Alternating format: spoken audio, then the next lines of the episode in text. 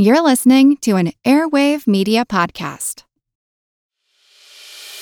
As a longtime foreign correspondent, I've worked in lots of places, but nowhere as important to the world as China. I'm Jane Perlez, former Beijing bureau chief for the New York Times. Join me on my new podcast, Face Off US versus China, where I'll take you behind the scenes in the tumultuous US China relationship. Find Face Off wherever you get your podcasts. We all know how important it is to keep your eye on the money, and not just your own. Stay on top of the latest financial and market news with Yahoo Finance, a podcast that releases new episodes almost every day. You'll hear a brief overview of the biggest news in the financial world, all in three minutes or less, right after markets close. Check out Yahoo Finance wherever you get your podcasts. That's Yahoo Finance wherever you get your podcasts. This is Kick Ass News. I'm Ben Mathis.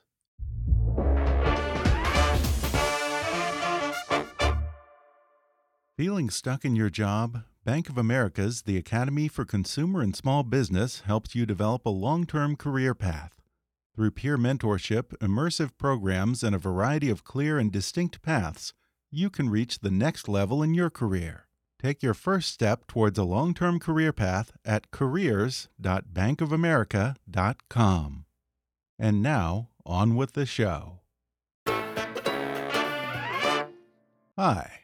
I'm Ben Mathis. Welcome to Kick Ass News. Adventurer and explorer Josh Gates has spent his career crossing the globe to investigate the world's most intriguing mysteries. He hosted five seasons of Travel Channel's Destination Truth, on which he investigated cryptoid creatures and things that go bump in the night, from hiking the Himalayas in search of the Yeti to trolling the Amazon for giant anacondas. More recently, as host of Discovery Channel's Expedition Unknown, he's returned to his roots as an archaeologist, heading to the farthest reaches of the Earth to explore legends that have remained unsolved for centuries. He's dived the Caribbean for sunken pirate treasure and followed the trail of stolen Nazi gold. He's hacked his way through the remote jungles of Cambodia in search of the real Temple of Doom, and braved the Kalahari Desert looking for a legendary lost city.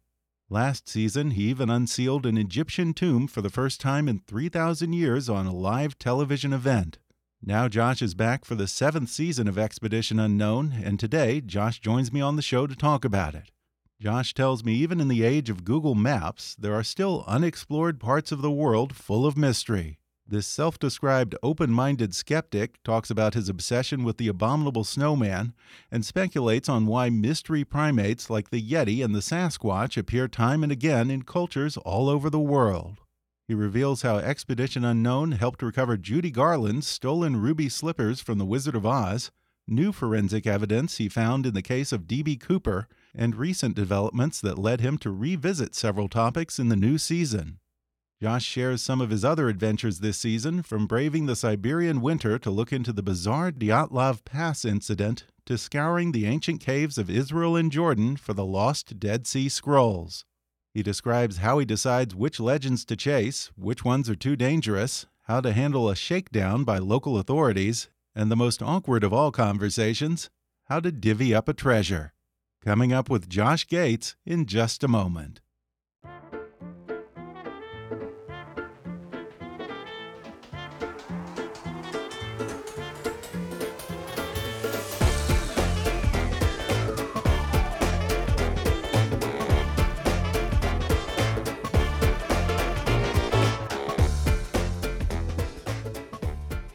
Josh Gates is an ardent explorer and adventurer who has traveled to the ends of the earth investigating the greatest legends in history. He's the host of Discovery Channel's Expedition Unknown, which chronicles Gates' adventures as he sets out on a global journey to find the truth behind captivating and iconic unsolved legends, from the disappearance of Amelia Earhart to the fabled crystal skulls of Doom, the Dead Sea Scrolls, and even diving the Great Lakes in search of the holy grail of lost American shipwrecks. Season 7 of Expedition Unknown is currently airing Wednesdays at 8, 9 Central on Discovery. Josh Gates, welcome to the podcast. Happy to be here. How are you, man? Uh, I'm fantastic. Now, I have to confess to you, I'm a little new to Expedition Unknown. Fair enough. You're forgiven. Uh, I actually got into it because of my father in law. He's a fan of the show. He likes, and I, I do too, like these kind of mystery shows, you know, searching for lost things in history and that kind of thing. And for some reason, I don't know where he gets this from, but he thinks that you remind me of him or you or that you remind him that you remind him of me or I remind him of, of you. I don't know one way or another. Yeah. And I don't know. Other than the beard, I don't know if I, see that. that. You and I, you and I have got a similar similar look going on. Yeah, well, I would take that as an insult if I were you, but not at all. Yeah, but I think it's also a personality thing because I guess he he thinks that you're pretty goofy on the show sometimes. That's that's a fair assessment. a, I would say. sense, a sense of humor about Yes. what you're doing. Yes, we don't take ourselves too seriously. Yeah. So yeah, I guess it wasn't that long ago, maybe a few weeks back, that he took me and my wife and made us sit down and watch. I want to say it was the Jean Lafitte episode. Yeah. Well, first of all, I love your father-in-law. This guy's great. He's Oh, yeah. forcing you to watch, uh, forcing you to watch my show. I got to hire this guy. Yeah, my new yeah. publicist. Yeah, well, he's a big fisherman, so if you ever have a, a Loch Ness monster expedition or something like guy. that, yeah, he's All your right. guy. Cool. Cool. yeah, and I love the Lafitte one because you know, aside from the fact that I just love New Orleans and and I especially love what is it, Lafitte's blacksmith shop, The bar. darkest bar in America, I always say. Yeah. I mean, you need a headlamp to get from the bar to a table in there. It is pitch black. I've been going to New Orleans for God, I don't know how many years, and every time I go back, I keep thinking, "There's no way this is going to be standing." It oh, looks like yeah, the I mean, stiff well, first breeze all, would yeah, blow it over. It, it, it barely is Yeah. standing, it seems like, but it's been there for ages. I mean, it's Yeah. it, it lays claim. I don't know if it's a, a dubious claim or not, but they say it's the oldest bar in America. Is that true? That's what they say. That's what they claim. I don't, but I've, I mean, you it know, makes sense. That's a sign I feel like I've seen in a few bars, though. now, what is the one in New York? McSorley's? That's right. Don't that they one- also claim to be the oldest also- bar yeah, in so America? I think, I think there's like lots of versions of this. Some of them are getting by on oldest Yeah. operating. Some of them are getting by on when it was first a bar. Yeah. You know, things like that. Yeah. Uh, but yeah, no, L- Lafitte's is um, that place is amazing. No, no trip to uh, the French Quarter is complete without ending up in there stumbling around in the dark. Now, I read that you actually do have a degree in archaeology as well as in drama, apparently. So, Expedition Unknown is kind of a perfect fit for you, huh? Yeah, it was. It's like I I in high school got interested in drama toward the end of high school. Got into acting.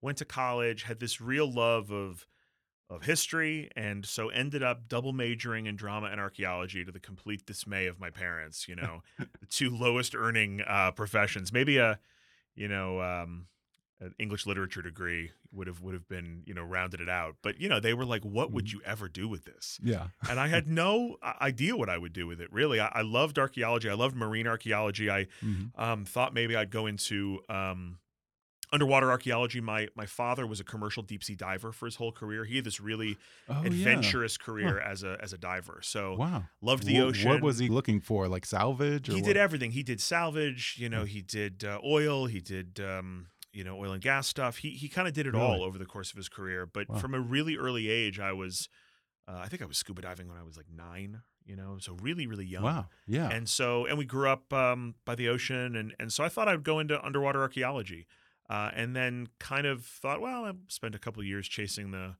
the uh, drama side of things, and it never occurred to me to try to put those two things together. I mean, it really Yeah. didn't. Like years went by, and then I had an opportunity to host a. A pilot of a of a travel adventure show, and then for some reason Right. I was like, "Why? Why didn't I do this a long time ago?" what show was that? Was That that, was Destination Truth. Yeah. Okay. And Yeah, you we- had a good run there. Like how yeah, many we seasons did. We did, that five seasons of that on Yeah. Sci-Fi, uh, and that came about because uh, Ghost Hunters, which is coming back again, but uh, Ghost Hunters was really like the big paranormal hit on Mhm. Sci-Fi at that time, and Yeah. they they really wanted a sister act for that show, something that could sit alongside it in the Mm-hmm. um, like the ten o'clock hour, and they they had tried a few different things that that. Um, you know hadn't worked and they met this producer and he sold them on the idea for this show destination truth which was you know it was kind of like an ooga booga monsters and ghosts Like kind of thing. cryptozoology. yeah it was right? crypto Yeah. stuff and Mhm. weird you know lake monsters and um but but mostly far-flung stuff Mm-hmm. you know developing nations half a world away kind of stuff and they shot a pilot and they didn't like the host they had and so this guy um this this producer said you know you should meet my friend josh he, he's a travel nut because i was already traveling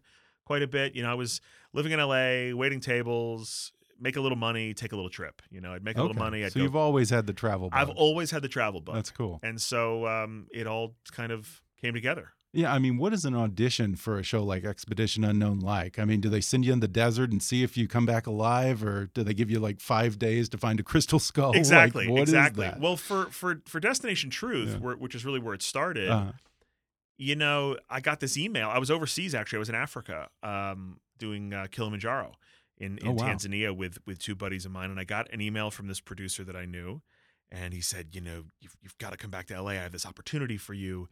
And of course, if you live in LA, people say things like that a lot, right? so you go, yeah, sure you do. And um, I finished up my trip. I wasn't going to fly home on a, you know on a on a uh, on a whim. And so when I came back, this this producer was just hounding me, Mhm. and uh, he said, "Are you back yet? Are you back yet?" And I said, "I just landed uh, at at LAX." And he said, "Come to my office right now."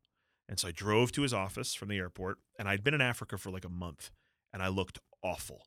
I had like you know that, uh, like a huge beard and a neck beard, you know, like one of those Civil yeah, yeah. War, you know, really let yourself go Yeah. beards. Uh, my clothes were filthy Yeah. dirty Ebola. safari shirt. I had Ebola, full Ebola. Um, I was a mess, and um, I stank. I mean, I literally stank. And uh, I came into his office, and he he said, "Look, I've I've sold this premise for this show to Sci-Fi, and they need a host. And tomorrow, you're going to go over there and meet with them, and I want you to come just like this. Don't shower, don't shave, don't don't change your clothes, sleep Yeah. in your boots. Come to the meeting just like this." And I was stupid, so I said, "Yeah, "Okay, sure, yeah, you know." And I kept saying to him, "Like, what is this show?" And he's, "You're, you're, you know, you're gonna go hunt monsters." And I was like, "I don't really like. Am I qualified to hunt? I have an undergraduate Does degree in archaeology. Yeah. Do qualifications exist in that field? Right, like, do- I'm picturing Van Helsing. Like Yeah. I need a crossbow and a trench coat. I'm like, I don't know if I'm really built for this. yeah. And so the next day, I went over to Sci-Fi, um, which at that time was in the big Universal Tower. Oh um, yeah, yeah. I used to have an office there. Yeah, I Yeah. remember that. It's this, and and Yeah. for those of, of, of you listening who don't know, it's this like really imposing, stark looking Yeah. building. yeah, it's a monolith. Yeah, exactly. it's a very uninviting looking place. And so I went in there and I literally did. I wore all my same stuff and, and I stank. And I looked like um, a homeless guy. And I walked Wow. in and they like in the front, like giving my ID, they were kind of looking at me like, is this dude gonna like pee on the rug? like what you know? And they let me in and I went up to the sci-fi offices, which I remember were like this gleaming white space dock. It was like a set from 2001 Oh wow. and I felt even dirtier, you know, being in this lobby. And what I didn't know is that they had actually narrowed it down to a few other guys, that they had Mhm. gone and done a casting. Uh, and just agreed to meet this producer's buddy. You know, they they they'd agreed to meet me, but they had they had you know done a proper casting, and so there was like three other guys there, and they were you know showered. Um, they didn't have neck beards. Yeah. You know, they weren't suffering from full blown Ebola, and uh, and so I was humi- I mean, I felt really humiliated. Yeah, I really bet. just was like, this was such a mistake. I looked like such a goon. And um, they marched these guys down the hall one at a time, and then finally they they called me down last, and I went into this little room, Yeah. and there were all these executives in there, way more people than I thought there were going to be in this room. And they all just kind of leaned back when I walked in, like, "Oh, there's a homeless guy in the room. He's uh, he's broken into the building." Yeah. and I just felt like I had to apologize, like out Uh-huh. of the gate, you know. And I said, "Hey, everybody, you know, let me just b- before we get started, uh, I just want to apologize for my appearance. I I just got off a plane from Tanzania, and uh, that was it. Did That they was it. think you were full of shit? No, that that was it. Like that whole like dress for the job you want. Yeah, it yeah. works both ways. if you dress if you dress shitty yeah. enough, Yeah. they will let you hunt for monsters on TV. That's all I said. I'm sorry. I just got off a plane from Tanzania. The other guys were wearing suits. They looked like game show hosts, you know. Yeah, and I think that they just in that moment they were like, yeah, this is a guy who likes to go travel and is game for anything, I guess. And so that was it. And and we went Wow. and uh, shot a pilot, and that turned into a series. And of course, at every step of the way, I was like, this will never turn into something. and it just kind of snowballed from there. Interesting. Yeah. Now, this new show, or relatively new Yeah. show, seven seasons now, Expedition Unknown, is a little more rooted in reality. You're searching for things that may have really existed at Yes. some point or another, as opposed to doing cryptozoology and Yes. hunting down the Loch Ness Monster or whatever. But I want to say that I saw somewhere along the way here that you're doing an episode on Chupacabra, We right? are doing a this Chupacabra season? show. Yeah. I mean, Yeah. look, Expedition Unknown really grew out of um, as we traveled around the world making Destination Truth. I, I got really interested in a lot of the real history that was going on in the Mhm. places we were visiting. And I've always had a love of archaeology, and so I really wanted to do a show that was was more rooted in um, real historic mysteries.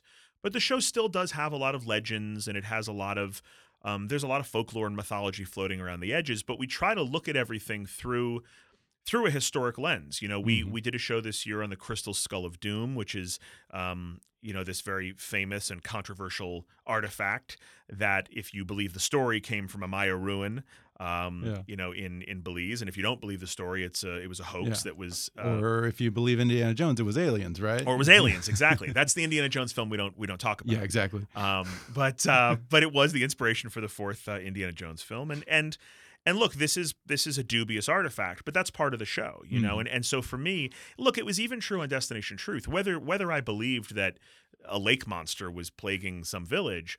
I believe that these people saw something, that they genuinely were terrified by something. Now, it might be a case of misidentification. It might be a case of, you know, uh, folklore and Mhm. and um, you know um, folkloric belief, but there's a real story. hmm So same's true with the chupacabra, right? I think one of the reasons we wanted to do a chupacabra story is that it started in Puerto Rico uh, in '95. A lot of people think it was a Mexico. Yeah, thing. I always assumed that. yeah, no, it started in Puerto Rico, and and it's back. You know, that's the headline. it's back. Um, there's was a lot. it gone for a while? He with was gone. It, like it happened in '95. It was this big worldwide phenomenon. It kind of jumped the island, Uh-huh. um, and reports in Mexico and all over Latin America and Texas. And then it became like a pop culture phenomenon. And now there are livestock killings again in Puerto Rico As of when? as of late last year. So there's I been can kind posit of a new theory. Okay, Yes. remember when in, in India they had all the blackouts and everyone started saying there's a monkey man Yes, running all over? Yes.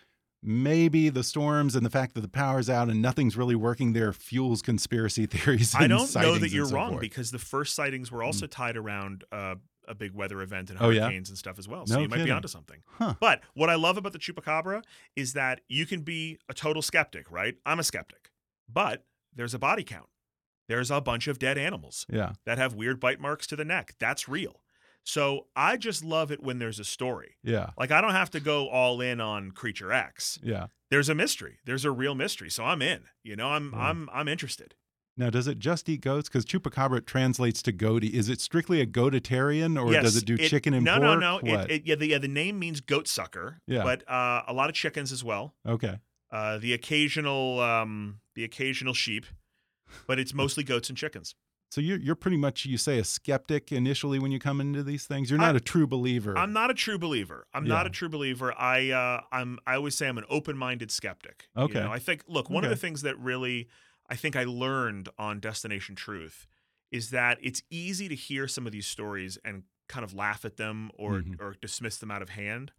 What what I really learned on that show though is that often these stories um, are really interesting cultural fingerprints for the places that you're going. Mm-hmm. Yeah. Like the Yeti's a great example, you know. Yeah. So yeah. okay, on face value, kind of silly, right? Giant, mysterious primate lurking around the high Himalayas. Um, sounds like something out of a you know Hollywood yarn. But you go up into the Himalayas and you talk to people, and they have a real reverence for the Yeti. You know, Mhm. they they have a real uh, connection to that story, and they talk about it in a in a way that isn't silly. You know, and one of the things that you that you learn when you start to hear about the Yeti is a, a real similarity in the reports. So they'll Yeah, people will yeah. say um, the Yeti, uh, you know, if you don't um, farm your land right, the Yeti will come and take your sheep. If oh, really? You, so there's a moral component. yes, to this as well. exactly, right. So Huh. if you you know if you don't treat the land a certain way, the Yeti will the Yeti will Mhm. come. And uh, and the same thing is true of other creatures around the world. There's a creature in the Amazon called called the uh, Mapinguari Mhm. in the uh, Brazilian Amazon. And uh, rubber tree workers would say, if you cut down too many rubber trees, the Mapinguari will come and take you. Or they or villagers would tell little kids Wow. around the fire, you know, if you Huh. if you go too far out into the jungle, the Mapinguari will come and take you. And one of the things that some of these stories might be a kind of oral version of environmentalism, you know, Yeah. in the in the Himalayas, the mountains are very dangerous. You know, you're you're living in an environment that can kill you, and so to give that environment a face, Mhm. to give it a name, Hmm. to say you have to respect this place or it will come and eat you, Yeah. uh, is really interesting. So I've Yeah. kind of learned. Huh. Um, I'm I'm not a true believer in in these things necessarily as biological, um, you know, boogeymen running around. but I think every story is important if somebody Mhm. takes the time to tell it. Uh, Well, yeah, and the thing that's interesting to me is that every culture in the world seems to have these two things that come up over and over again lake monsters and these mystery primates like Bigfoot or the Yeti. And the thing that I always wonder is do we take all of those reports as validation that maybe these cryptoid creatures exist? Or is it more like a Joseph Campbell type of thing in the sense that there are certain archetypes that are just universal, even when it comes to monsters?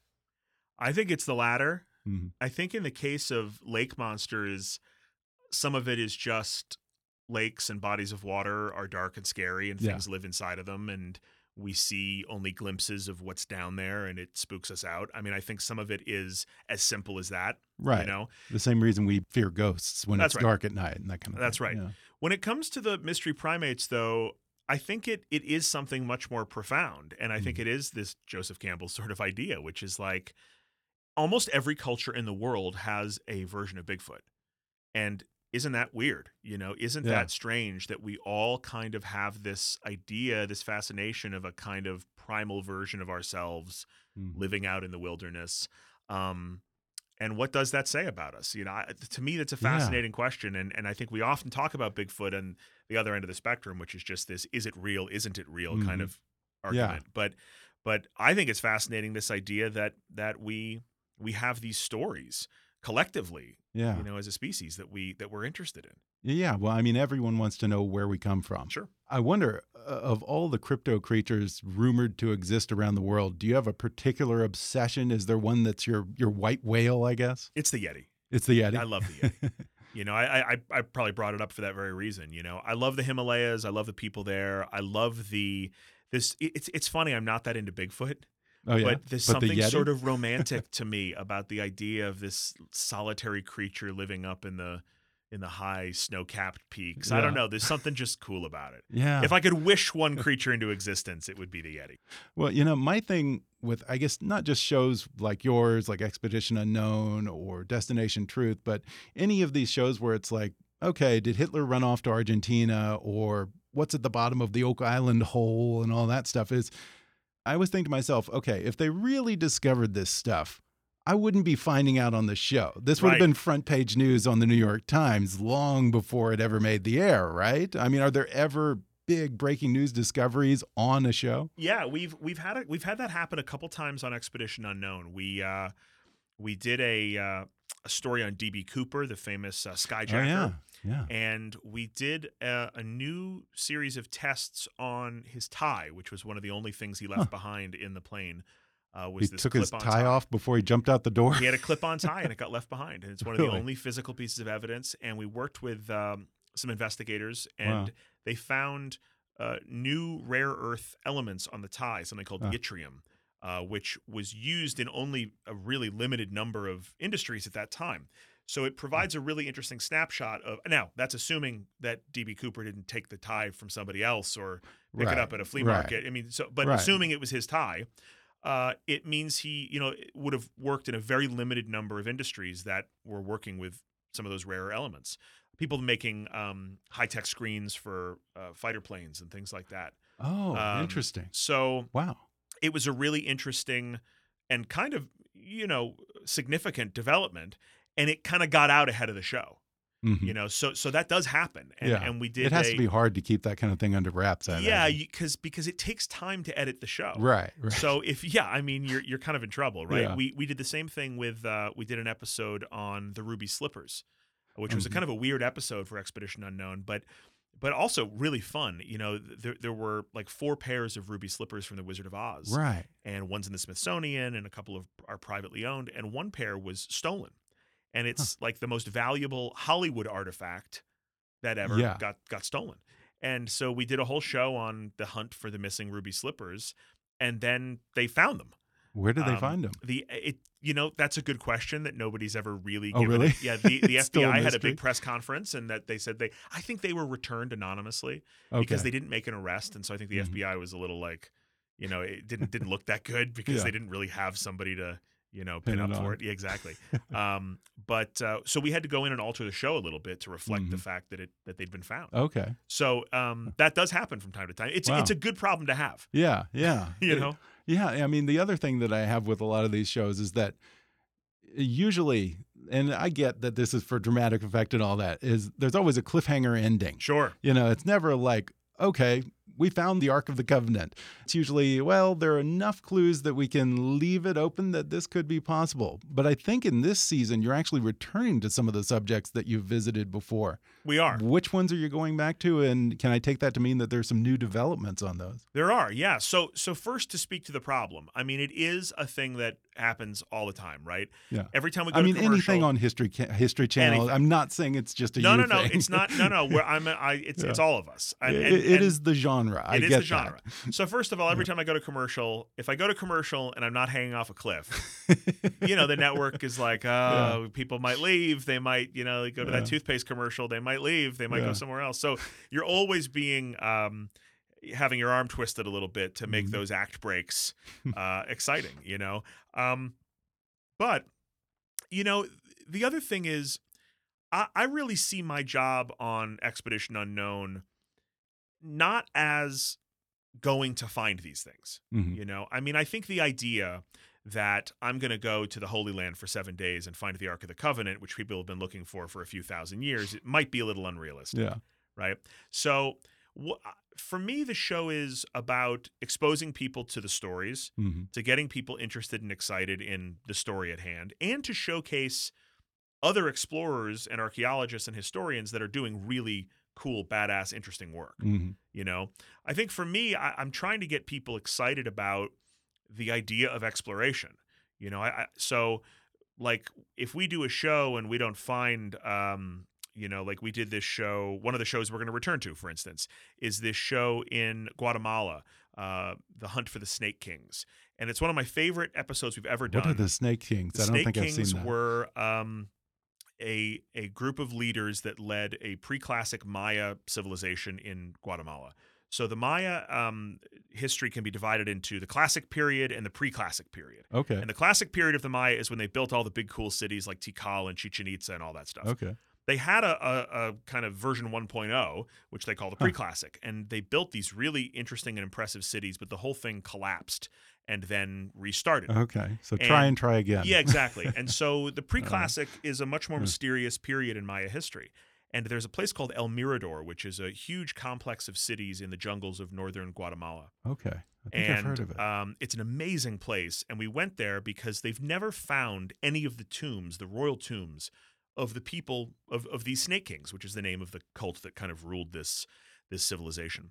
And obviously that's of great interest to the to the archaeologists because you know who are these guys? These are the big charismatic movers and shakers that organized a civilization. Hmm and so we went down there and worked with uh, this really uh, great archaeologist guy named dr richard hansen who's been down in these jungles excavating for like 30 years and so just to go down there to see him to see his team to see the work they're doing that's i mean for Yeah. me that's what i'm in it for Yeah, right like i want to go show these people that are like embedded in this Yeah. you know overgrown jungle ruins finding this And that's stuff. an insane commitment because you, I mean, you It's kind of career, parachute yeah. in for like what a week or something. Totally. These guys, that's their life. their life. and, And the so- humidity and Yeah, all totally that the snakes comes with yeah, it. exactly so Wow. um we went down there one of the biggest finds we've ever been a part of on the show is we we did a bunch of lidar scanning. Lidar is this new laser mapping Mhm. that's kind of revolutionizing archaeology. It finds all sorts of interesting things especially in dense jungles. It's able Hmm. to scan through jungle canopies.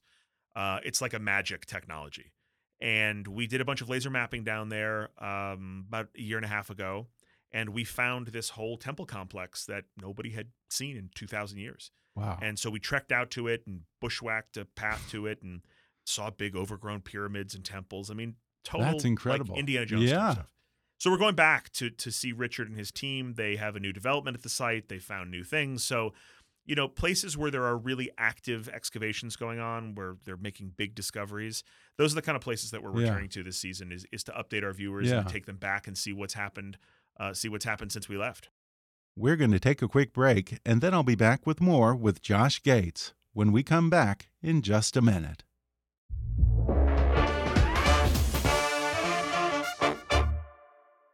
It's a new season. Antonio Brown is on the Raiders, Le'Veon Bell is with the Jets, and Odell Beckham is in Cleveland. But one thing that hasn't changed where you should put your money down on all the games. MyBookie is the place to bet on football every weekend. MyBookie has better bonuses and more prop bets than any other sports book. This year, they're hosting the first online handicapping super contest. First place is guaranteed to win $100,000, and it only costs a hundred bucks to enter. All you got to do is pick five NFL teams against the spread every week to climb the leaderboard and score your share of the huge cash prize pool. MyBookie has live in game betting on every NFL game. They've got the most rewarding player perks in the business, and you can even bet the over under on how many fantasy points a player will score each game. Join now and get up to $1,000 first deposit bonus and double your first deposit. Use promo code KICKASS to activate the offer. Visit MyBookie online today. That's M Y B O O K I E. And don't forget to use the promo code KICKASS, K I C K A S S, when creating your account to claim the bonus. Bet, win, get paid. You know, folks, there's a reason they made a movie about two men defying great odds to get some White Castle sliders. They really are that crave worthy. And now you can make those same delicious sliders at home with White Castle's microwavable sliders. White Castle sliders from the grocery store have the same one of a kind taste that White Castle has been serving in their restaurants for years. From their unique signature buns to their 100% beef patties, which are cooked on a bed of steamed grilled onions, these sliders come in a variety of flavors that are made to be enjoyed. Craving something spicy? The jalapeno sliders are sure to give your day that tasty kick it needs. Or if you're hungry for something a little more traditional, their cheese sliders are the perfect choice.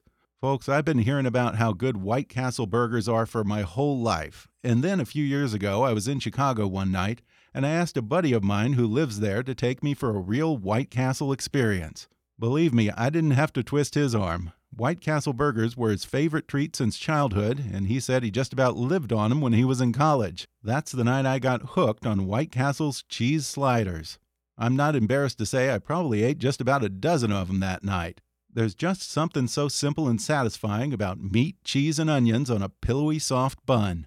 It was a tough adjustment when I came back to California and there weren't any White Castle restaurants to be found, and believe me, I searched. But now White Castle has come to the rescue with sliders in my local grocery store.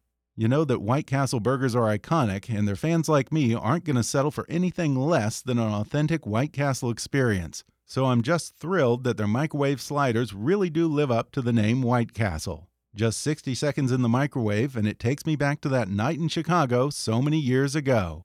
They even have breakfast sliders in a variety of flavors, perfect for when you need a quick hot breakfast on the go. From the castle or the grocery store, you can satisfy your crave anytime with White Castle.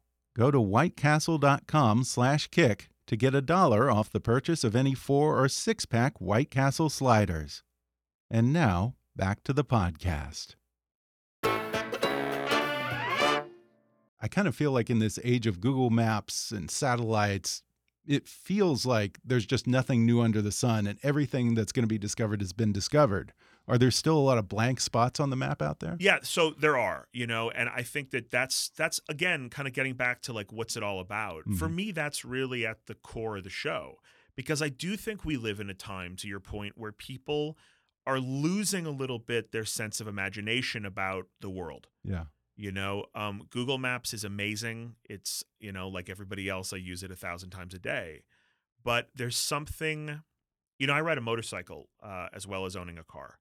And I don't have a mount on my motorcycle for my phone. And so when I have to go somewhere on my bike, I'm kind of back to the way it was just a few years ago before we all had nav yeah. systems. And well, that's kind of fun. The it is fun. It. Yeah. it. can be frustrating if you're late to go somewhere, but yeah. this sense of exploration, even just the exploration of like, you know what yeah. what block you turn on and where you go. Yeah. Well, I, that, I, also I worry that we're losing our sense of spatial awareness and our innate ability to find our way around a place. I mean, we totally are, right? Yeah. We know that. It's like we pe people are just cluelessly bumping into each other and walking into traffic, right? So, um, so so on Expedition Unknown, you know, look, I'm not changing the world, but to the extent that I can, I love trying to show people that there is a ton of mystery left in the world. Mm -hmm you know and any archaeologist will tell you you know we've just scratched the surface of what's out there but yes there are places in the world even where we don't have maps you know you look at the deepest jungles of the amazon you look at parts of peru um, you know, sections of Central Africa. There are areas where you look at the best maps that are available; they're not that good. The sections of Peru, Really? if you look at the best government topo map of like parts of Peru, there's a, an area that it it says insufficient data, and you think like, wait, that's That's, that's, not like the. Area 51 of Peru or something, yeah, is it? yeah, well, actually, it might be, but um, The Nazca lines. Yeah, exactly. but uh, but you know, th- there are there are mysteries out there to be solved. Yeah. You go to El Mirador, um, this this Maya city in, in Guatemala. It's it's an ancient city that's the size of Los Angeles. Wow. I mean, it's that big. That's huge. And if you say to Dr. Hansen, who's been there for 30 years with a with a trowel in his hand, you say, how, how much of this have you excavated? 2%? 3%? And everywhere you look at El Mirador, you see these big hills. And you say, what's that? And he goes, that's a pyramid. What's that? That's a pyramid. They're Like just waiting under the Wow. ground, you know? and That's so crazy. there are generations and generations worth of work to be done out there to understand human history. And uh, and so I, you know, I, I you know, I, I hate to sort of start sounding like an old guy, like kids today and this and that, because I was Yeah. a video game kid when I was a kid, and and I I loved screens and computers when I was a kid.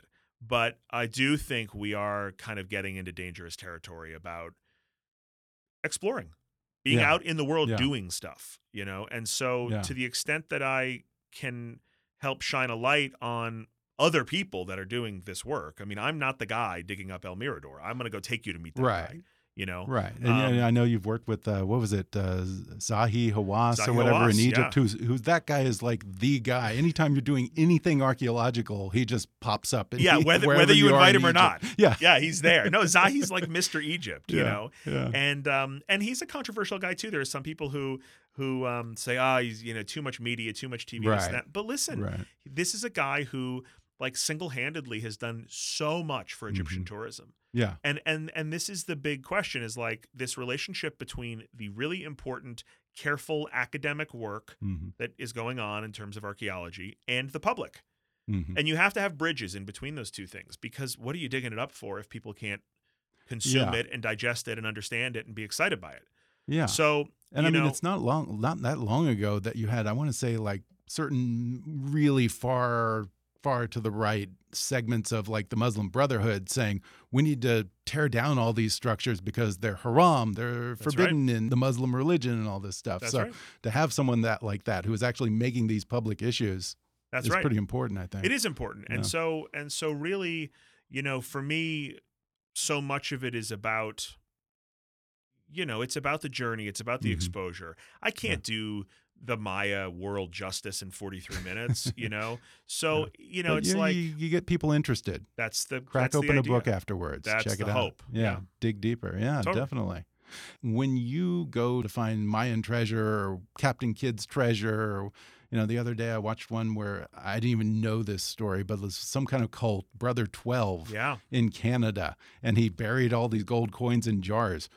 Do you have any kind of a deal with Discovery if you find something? Like, what's what's your cut? What's their cut? How does yeah, that work? Whenever we do a show that's like non-archaeological, where it's Yeah. just like treasure hunters, Yeah. they're a different breed. You know, when you Oh, when you when you go out with the metal detector guys, yeah, you know they they usually bring it up. They're always like, "What's going to happen if we find this jar of coin?" Like they want, Oh, they're really? like pirates. They want to divide up the spoils before they even get to it. really? they Um, bring that up with you. Oh yeah, yeah. What's going to happen? Yeah, I always assume if I Yeah. if I'm out on one of those like pirate treasure shows and we find anything, I'm going to feel the the cold crack of a rock in the back of my head. Yeah, yeah, exactly. right. Um, no, I mean, look for the archaeological stuff. It's it's obviously um, pretty much everywhere we go. Hmm. We have zero stake in in anything. Okay. Um, you know, the, they're not going to let me get out alive with the uh, yeah. You know with the Chachapoyan idol uh, from the from the temple. It's not going to be mine to keep. Yeah. Yeah. and I noticed that you also do a lot of caves on this show. And I'm not talking about like big caves like Carlsbad Caverns, uh, like very narrow caves where you can't move your arms and stuff. You don't get claustrophobic in that kind of situation? You know, I have this weird like I think I guess what I'm saying is I'm stupid, but I in the moment it all seems like a good idea. Uh-huh. I get this weird like adrenaline Mhm. Boy Scout, like this will be fun Yeah. kind of thing. And then when I watch it later, I'm like, Yeah. what was that? No, why would you go in there? Yeah. You it all sounds so- good when you're at the mouth of the cave, but then we forget the cave's usually narrow. Yeah. I mean, you do a lot of dumb things in the name of excitement. Uh-huh. You know, if I'm if I'm into something and there's there's, you know, there's something in the back of that cave. Yeah. I'm usually in there. Do you have a phobia? Snakes, spiders, I hate scorpions. scorpions. Yes. That's pretty specific. I Do you run into a lot of those more Yeah. than snakes and all the other things? yeah. I Really? mean, I don't know about more than snakes, but yeah, we run into Yeah. them. I hate them. I think they're like of all, I think they're from a, like a design perspective. They're just horrible. Like picture like like it's this gross spiky thing with these weird Yeah. horrible pincher claws and a tail that swings over its head Yeah. To sting and imp- it, it's just like Multiple, yeah, weapon systems there. Yeah. like like it's a monster. If you blew that thing up and made it like four times as big, nobody Yeah. would leave the house if Yeah. those existed. okay, fair enough. Yeah, they're horrible. Yeah, and, and you've also had, I, I want to say, the same camera operator for what, probably 10 years now? Evan Evan, Evan Stone, Evan right? B. Stone. He always How makes does he me say handle that? he always makes me say Evan B. Stone because there's Oh, a really? there's a male porn star named Evan Stone. You're kidding me. And so his whole life it's haunted him. So he's always says Evan Evan B. Stone. He's you Yeah. got to get that middle initial in there, or the Google searches get real ugly real quick. Is he pretty much game for anything? Yeah, Evan is. If there's anybody who might be stupider than me, it's Evan. Evan, no, he's he's the best. Evan is, you know, there's that old, there's that um, famous Ginger Rogers quote, right? That she did everything Fred Astaire did, but backwards and in heels, right? Yeah. That's Evan. That's I Evan. mean, it's uh, what I'm saying is he wears high heels. Uh, no, he. It's like if I'm hanging off a cliff, you just someone else is hanging off that cliff holding a camera. hmm You know, Yeah. so the, the the show can only happen if you've got people that can really get out there and and um and capture what's what's happening. And so these guys Yeah. are out in insane heat, insane cold, Wow. slinging cameras and mics and equipment and drones, and Yeah. you know it's a lot of work. And Yeah, I'll bet. he's been it's harder to keep your balance with a camera in hand. Uh, Totally. These guys Yeah. got 30, 40 pounds on their shoulders sometimes. Wow. And uh, in the middle of the jungle in 110 degrees. So they're they're the real rock stars of the show. Evans Evans like this stalwart companion who's been with me for like a decade. He's just amazing. Wow. And, and I think that this might have been Destination Truth, but there was one episode in a haunted forest, and I want to say Romania, Romania. where, man, poor Evan just got the scare of his life. Can you explain what happened there? I can't explain it. I can tell you what happened. I can't Yeah. explain it though. We did a, a story back on Destination Truth in this haunted, purportedly haunted forest in Romania called the Hoia Baciu Forest. And look, I'm a uh like I've gone to lots of reportedly haunted places. Mhm. and I've never seen like you know the specter of death hooded figure guy with a scythe you know uh, so I'm I'm definitely uh, on the skeptical side of things when it when it comes to that after all these years but there are places even if you're a skeptic there are places that you walk into that feel weird Yeah. we've all felt that there are places that just have some weird bad juju and I don't know what it is if it's a psychological thing you know but this forest in Romania is weird Huh. it doesn't feel good. It's not a nice place to hang out. And we were in this forest, and there's this creepy clearing in the middle of the forest where people have seen things.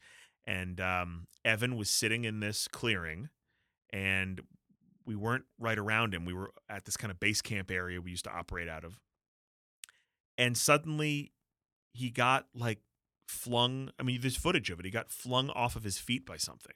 Wow. And, And there was we- nothing around him Nothing around that you could tell. and we ran Wow. over to him and i've known evan a long time and evan by the way is a skeptic evan's not a Uh-huh. ghost guy he's not a paranormal dude it's just not his thing he was ashen he was like emotional he was terrified so one of those nights where i still replay it in my mind and go what happened there Yeah. i don't know That is crazy. sometimes the world Wow. is mysterious Now, have there ever been places that you wanted to go, but because of, I don't know, political instability or whatever, you just couldn't make it happen? yeah you know there's uh, there, there's always a list of like all the stories that we want to do Mhm. and some of them uh, have been on there a long time. Back when we were making Destination Truth, I always wanted to do because we would do these paranormal shows. I always wanted to do like Saddam's haunted palaces, and and it was like during the war. You know, they were like, no, like you're not going to Iraq. We're not sending you to Iraq.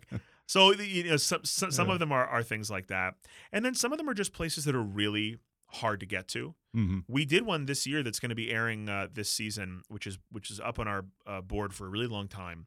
Which is this thing called the Dyatlov Pass? Do you know about this story? Is that the one in Russia? Yeah.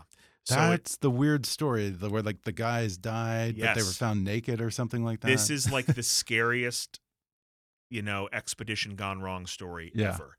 And it's one of the big mysteries of 20th century, you know, exploration uh, stories. And and we've wanted to do a piece on it for forever, but it is in a really remote place. Yeah. But this year we we tackled it, so there's going to be a big two part special coming up this season. Wow. Is that Um, Siberia or where It's in? Siberia. So Wow. basically, 60 years ago this year, 1959, a group of nine hikers in Siberia, nine young Russian hikers, these were like university students, they formed a sporting club. And as part of their kind of to get a merit badge kind of thing, they had to go do this kind of hiking, cross country skiing expedition into the Ural Mountains. Now, these are people that live in Siberia. They're really capable. This is not like if you dumped you and me in Siberia, right? Like these are folks who, these are Russians Yeah. too. These are, you're Yeah, right? yeah. 1959 Russian kids. Like these, these are pretty hardcore. Yeah, they're no cream puffs. Yeah, absolutely. So um, they went out on this hike and they were gone for about 10 days. They were supposed to be gone for a few weeks. They didn't come back. And they dispatched a search party and they found their tent uh, on this weird, exposed, kind of spooky peak, a place called Dead Mountain, um, because nothing grows on it. And they found their tent and they were none of them were in their tent. They found them all dead. There were nine of them. They were all within about a mile or so radius around the tent, all frozen to death and none of them were wearing their warm weather clothes. None of them had their boots on. I mean, they were in their socks. Yeah. Now, we went to this place. We went to right where their tent was. At the same night that they we went in the same conditions they were in. It was almost 30 below. Wow. It was the coldest place I've ever been and I've been to Antarctica. I mean, it was freezing.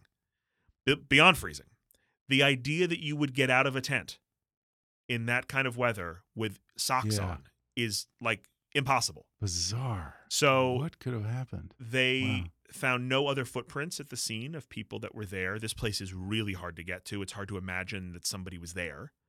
Um, there are slice marks in the tent that make it look like they had sliced their way out of it from the inside as though they were trying to get out quickly.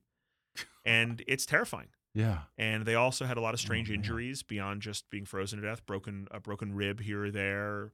You know, was it from the snow that had accumulated on top of them before investigators found them that crushed them? Was it something else? Yeah. Um, it's a really, really haunting story. It's made even more haunting by the fact that they had 10 cameras with them, and Huh. there are like dozens and dozens of photographs from their expedition. And they all kept diaries. Each one of them is 10 diaries plus an 11th group diary. Or, sorry, nine diaries plus a group diary. They wrote in the diary every night. So you can really kind of get to know them and Uh-huh. see their photos of their trip. It's a really haunting story. And so we went there on the 60th anniversary uh, with investigators that are trying to uh, solve the case and also trying to get the Russians to reopen the case and to look. There's a lot of case files that maybe have never been opened. hmm Uh, Yeah. And so for me, a really uh, that's a bucket list story that we've that we said no to for many years because it's just so hard to get to. Yeah. And this year we're going to tackle it. Well, yeah, and I have to wonder when you're doing a place like Russia or parts of Africa, South America, do you ever run into delicate situations with local politicians, bureaucrats? You ever get someone tries to shake you down or something Yeah. like that? Give us seven hundred bucks, or Sure, you're going to get arrested. We just you know th- that happens occasionally. hmm not that often. Um, I have to say, if if I look at, I mean, I've been doing this for like eleven years of traveling between Expedition Unknown and, and Destination Truth. Ninety nine point nine nine percent of the time, people are pretty great Mhm. everywhere. And in fact, my experience has been that the more quote unquote dangerous, poor, destitute, you know, a place is, the nicer the people are. Yeah, occasionally you get um, the odd shakedown. Um, Really? or Does- you get does people that Discovery are hard to- factor that into the budget? Or no, no. Um, or you get places that are hard to work with. You know, we Mhm. just had yeah. a pretty disappointing experience trying to film at Pompeii. You know, we're trying Really? to film at Pompeii this year because they've been exploring a new quadrant of the city. I shouldn't even be saying this, but but um, they're just kind of horrible to work with. Really? Just a shakedown. okay. A lot of money. Yeah. A lot of money to come Yeah. in and film at Pompeii. Interesting. And you sort of think, and to the point where we just scrapped it. We were like, Yeah. this, is too hard. Wow. it's too hard you know and you just think this is a cultural treasure this place and Wow. and you know there's a lot of really new amazing work that's being done there and they just made it as hard as possible Yeah. to, to work there that's the exception it doesn't happen that often Yeah. um, but that's also a place that's inundated with media requests Right, and so right, you know it, Yeah, like i'm not you that know look I, sense. I i get it you Yeah. know it, they probably have film crews there every day of the year hmm if you didn't have some Wow. systems over it Uh, Now, how many countries have you been to by now? I believe I'm at 109. 109, over 100. Wow. Not that I'm counting every Yeah. day. What's maintain the a list. worst?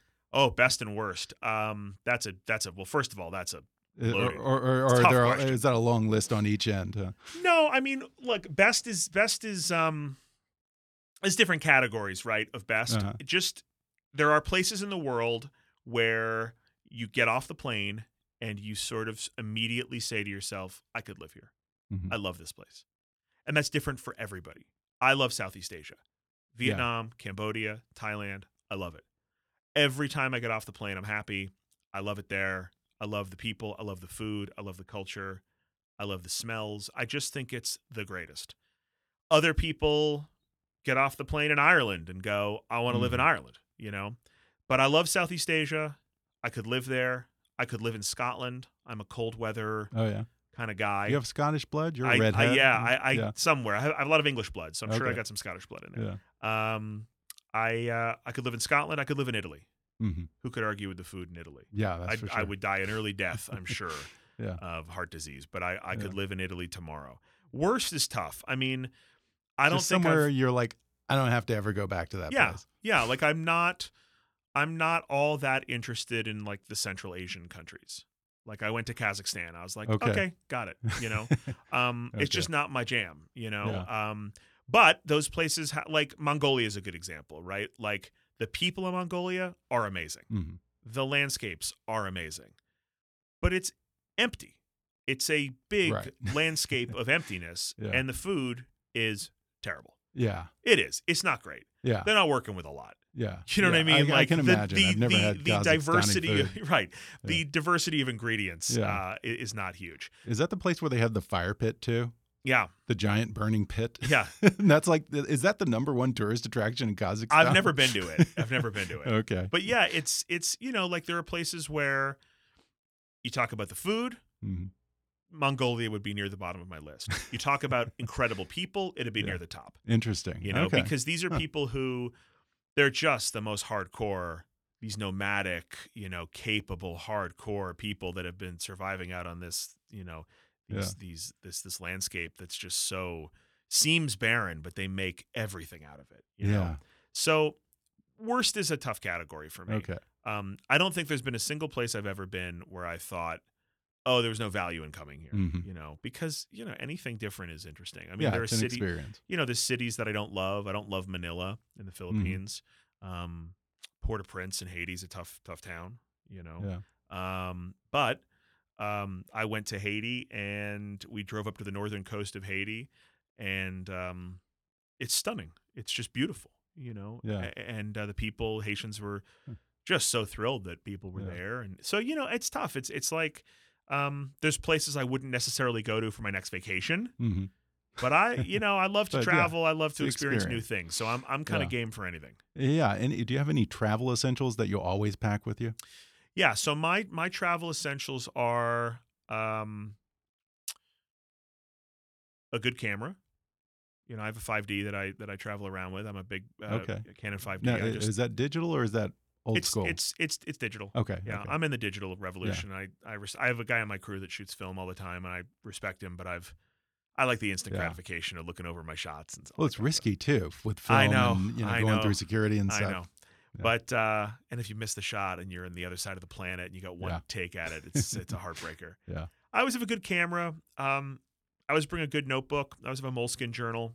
Uh, it's really hard to remember to journal and to write and to do that kind of stuff. We, Mhm. I mean, I'm just like everybody else. I forget to do it a lot of the time when I travel, but it's way more impactful to look back on your writing than it is photos. Yeah. If you yeah, I always write- want to do that too, but I'm I'm terrible at it. Me too. It takes because at the end of the day, you just don't want to do Mhm. it. But Yeah. boy, if you can look back on something you've written, it brings you back to a place so much more Yeah. vividly than a photo So true. because you're in your head. Yeah. You know. Yeah. Um, so I always have that. Um, the usuals, you know, the, I gotta have an iPhone in there and my music, Yeah. and usually have a laptop because I'm Yeah. working. yeah. Um, metal detector. yeah, metal. you you have a metal detector in your hand just about. I think fifty percent of Yeah. the time you're on screen. Yeah, good boots, a Yeah. good headlamp. Yeah. Okay. You know, boots and a headlamp are pretty essential. Yeah. And then uh, usually a small bag of uh, of medication in case the food goes Mhm. sideways and Yeah. things like that. You know, everybody stuff. on my show gets sick. Yeah. Yeah. Uh, good advice. Well, before we go, I just wonder. I mean, we kind of talked about what your white whale is in the crypto world. Do you have some kind of a relic that is the holy grail for you, or maybe it is the holy grail? I don't know. like Well, yeah, the Holy Grail would be die nice. to find. Um, yeah. Is there one artifact more than any other? I think you know, um, it's not necessarily an artifact, but uh, I'm obsessed with Amelia Earhart. Mhm. I'm obsessed with the story of her, of her um, transworld flight, and obsessed with the fate of her Electra aircraft. I think if I could haul anything up out of the depths, it would be that plane. Yeah, I was just reading that. I think uh, Bob Ballard, who Yeah. found the Titanic, is now doing an expedition, and Yeah, there Ballard were and some old are- photos that they found that Yeah. uh, look like it could be parts from that plane. Yeah, Ballard and Yeah. Nat Geo are doing a project together. It's it's very much focused around an island called Nikumaroro out in the. Pacific. Uh, I'm not in the camp of people that's totally convinced Oh, that, really? that Nikumaroro Why is. not? I don't know. It's it's um it's to me it feels like a long shot. There's a, a, Hmm. a group called TIGHAR, uh, led by a guy named Ric Gillespie, that has been really focused on Nikumaroro for a long time. We interviewed Ric when we did a show on Earhart a number of years ago. He's amazing. I think his group's really interesting. They've they're really passionate about the idea that she died as a castaway on Hmm. Nikumaroro.